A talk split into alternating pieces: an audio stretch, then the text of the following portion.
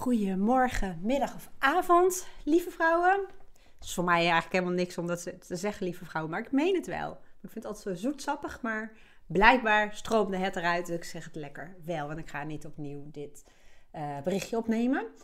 En ik ga jullie ook gewoon de waarheid vertellen. Ik ga niet een heel prachtig mooi verhaal met van die bullshit smoesen vertellen waarom het zo lang duurde dat er een uh, vervolgmail kwam met uh, nieuwe data voor de datumprikker en voor de workshop eigenlijk. Um, ik ga jullie gewoon echt hartstikke super eerlijk vertellen waarom het zo lang duurde. En dat doe ik natuurlijk ook niet voor niks. Um, ik vind het ook belangrijk om open en eerlijk te zijn, zeker ook naar mijn uh, klanten. Uh, omdat ik coach ben, wil niet zeggen dat het bij mij allemaal super perfect en geweldig gaat en dat ik geen eigen blokkades heb of oogkleppen op, want die heb ik wel degelijk. Het voordeel is wel vaak dat ik me er wat meer van bewust ben, want dat is natuurlijk mijn werk. Um, maar ook ik ga regelmatig naar coaches om te sparren en om verder te komen en om dingen bij mezelf te onderzoeken. Nou is dit iets wat ik bij mezelf heb onderzocht en ik zal jullie ook vertellen hoe ik dat heb gedaan. Het is namelijk zo, de eerste workshop is uh, volgens mij uit mijn hoofd, was dat 5 februari en die was echt super gaaf. Die was echt heel leuk. Dat was, ja, was gewoon magisch. Dat was mooi. En um, nou, ik was heel blij dat ik dat heb gedaan. En dan komt de tweede workshop. Alleen, ik merk dat mijn, uh, iedereen heeft uh, verschillende kanten in zichzelf. En heel veel mensen hebben ook een saboteur in zichzelf. Een, innerlijke saboteur. Die saboteur is er meestal de oorzaak van dat je dingen uitstelt of afstelt of uit de weg gaat of vermijdt. En dat is niet voor niks. Je innerlijke saboteur die wil jou helpen. Het is een beschermingsmechanisme en die wil waarschijnlijk iets voorkomen door uit te stellen of af te stellen of te vermijden. Het is eigenlijk net als een moeder die met haar kindje naar de kinderboerderij gaat en die moeder is nou, een beetje bezorgd om het zo te zeggen. Dat kindje is uh, drie en die wil dolgraag schommelen. Maar die moeder die is veel te bang dat dat kindje van de schommel afstuitert. En die heeft er allerlei gruwelijke beelden bij. Dus om dat kindje te beschermen, dan uh, zegt ze: Ga maar niet op die schommel. Kom, we gaan op de wipwap. Of kom, we gaan op de waterfiets. Of kom, we gaan dit doen, maar ga maar niet op die schommel. Dat is eng. Net als moeders die bijvoorbeeld bang zijn voor honden. En als een hond komt, dat ze zeggen: Kom, ga weg. Dat is eng. Of het kindje op gaan tillen. Nou, zo werkt het eigenlijk ook met je innerlijke saboteur. Die wil jou gewoon helpen. Mijn innerlijke saboteur was de afgelopen tijd actief ten aanzien van de workshop. Ik heb echt een. Ik maak altijd maanddoelen en dagdoelen. En um, daar staat nu. In februari stond op vervolg workshop. Dus en workshop 2.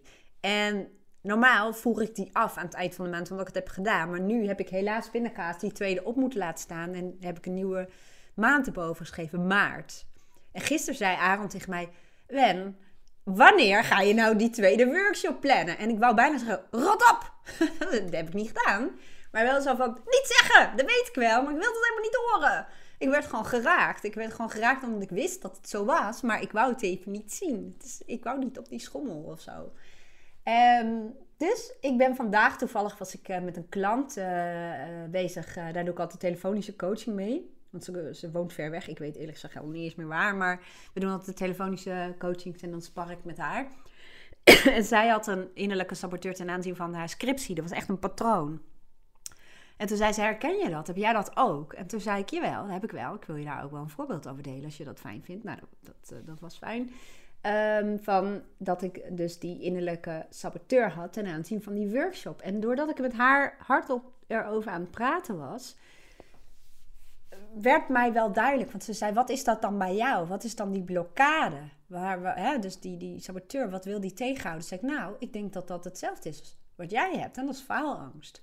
Ondanks dat die eerste workshop een succes was en uh, dat mensen er iets aan hadden, zegt mijn innerlijke saboteur toch tegen mij: Jij houdt er niet van om te falen. Want jij vindt het zou het niet zo heel erg leuk vinden als mensen er niks mee kunnen. Sterker nog, dat vind jij verschrikkelijk. Want jij hebt echt een soort van ja, wens dat mensen er iets mee kunnen. En, dat, dat, en als dat niet lukt, dan ga je dat op jezelf betrekken. En dan voel je je dus niet goed genoeg over jezelf. Um, dat was een blokkade, dus die probeert mij te beschermen tegen uh, dat het niet goed gaat.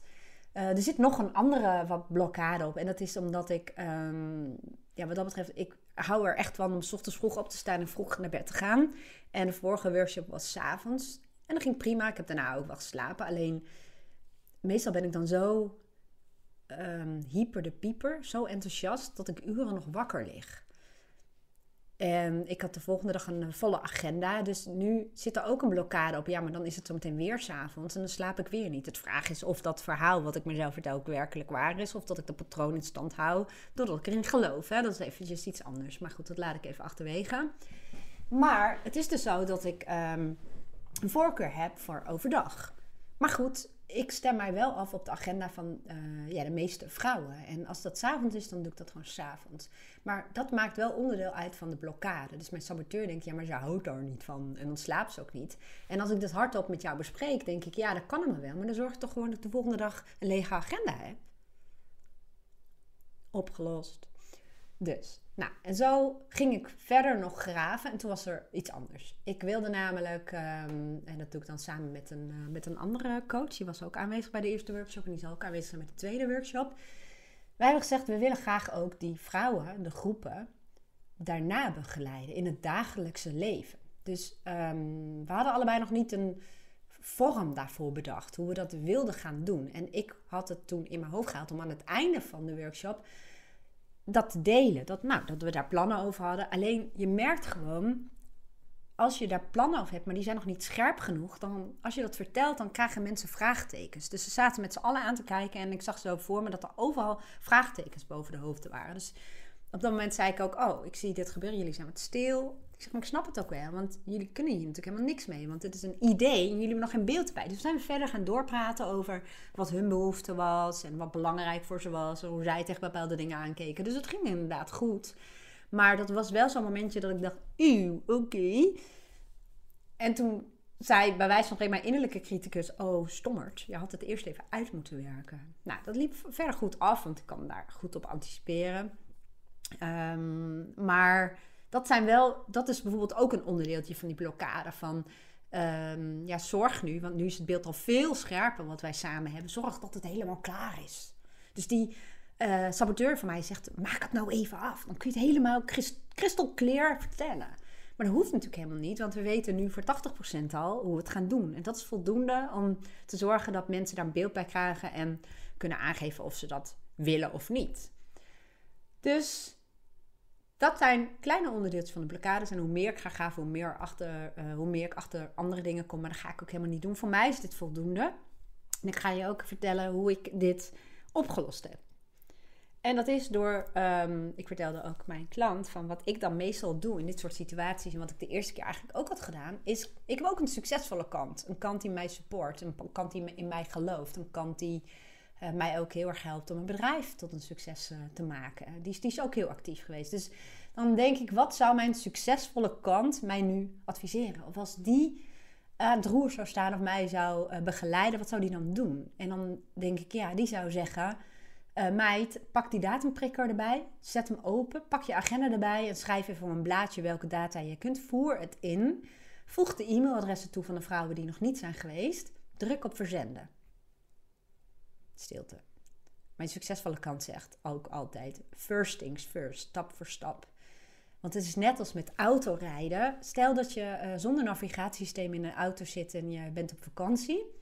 En je gaat s'avonds, um, ben, je bent geland op het vliegveld en uh, jullie gaan de auto in. En jullie rijden een weg op waar geen verlichting is. Nou is het zo dat koplampen ongeveer 60 meter vooruit schijnen. Toch ga je rijden, omdat het voldoende is dat je elke keer 60 meter vooruit kunt kijken.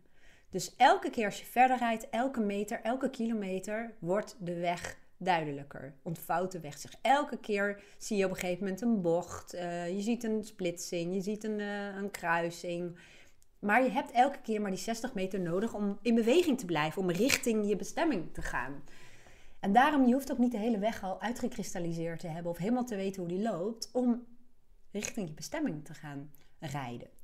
Dus in dit geval, mijn succesvolle kant zegt altijd first things first. Zet de eerste stap en de tweede stap vloeit daaruit voort. Dus de eerste stap is die uh, datumprikken invullen en een vrouw een mailtje sturen. En de tweede stap die daaruit voortvloeit is dezelfde als bij de eerste, eerste proces.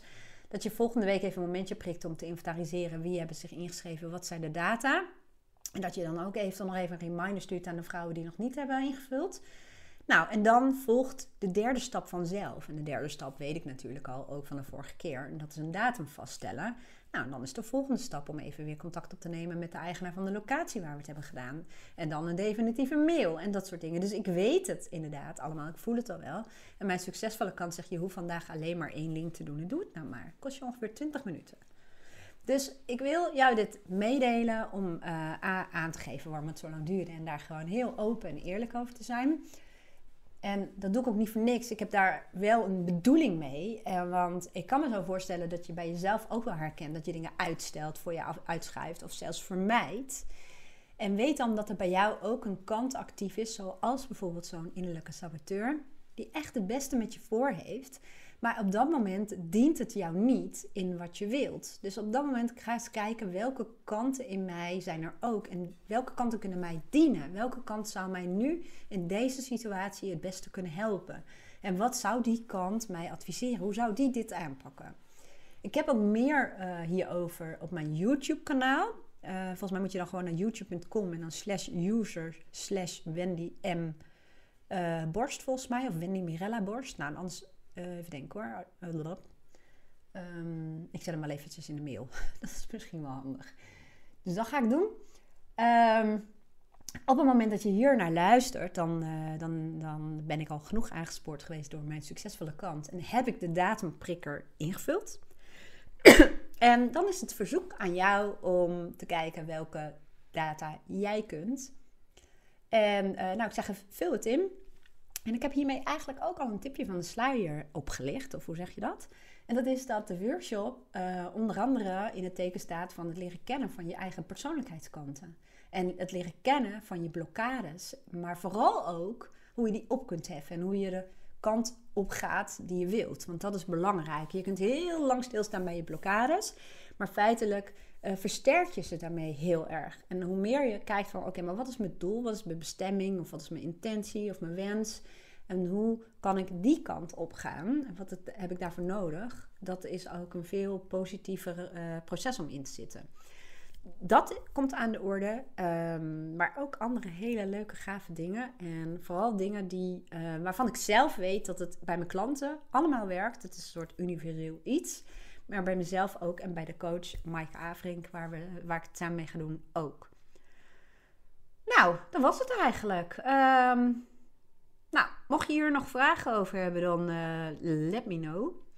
En ik hoop je natuurlijk heel graag te zien op uh, de volgende workshop. En ik wens je alvast een hele fijne dag. En als je dit vandaag, 8 maart op vrijdag, luistert, dan wens ik je alvast een heel goed weekend. Doei!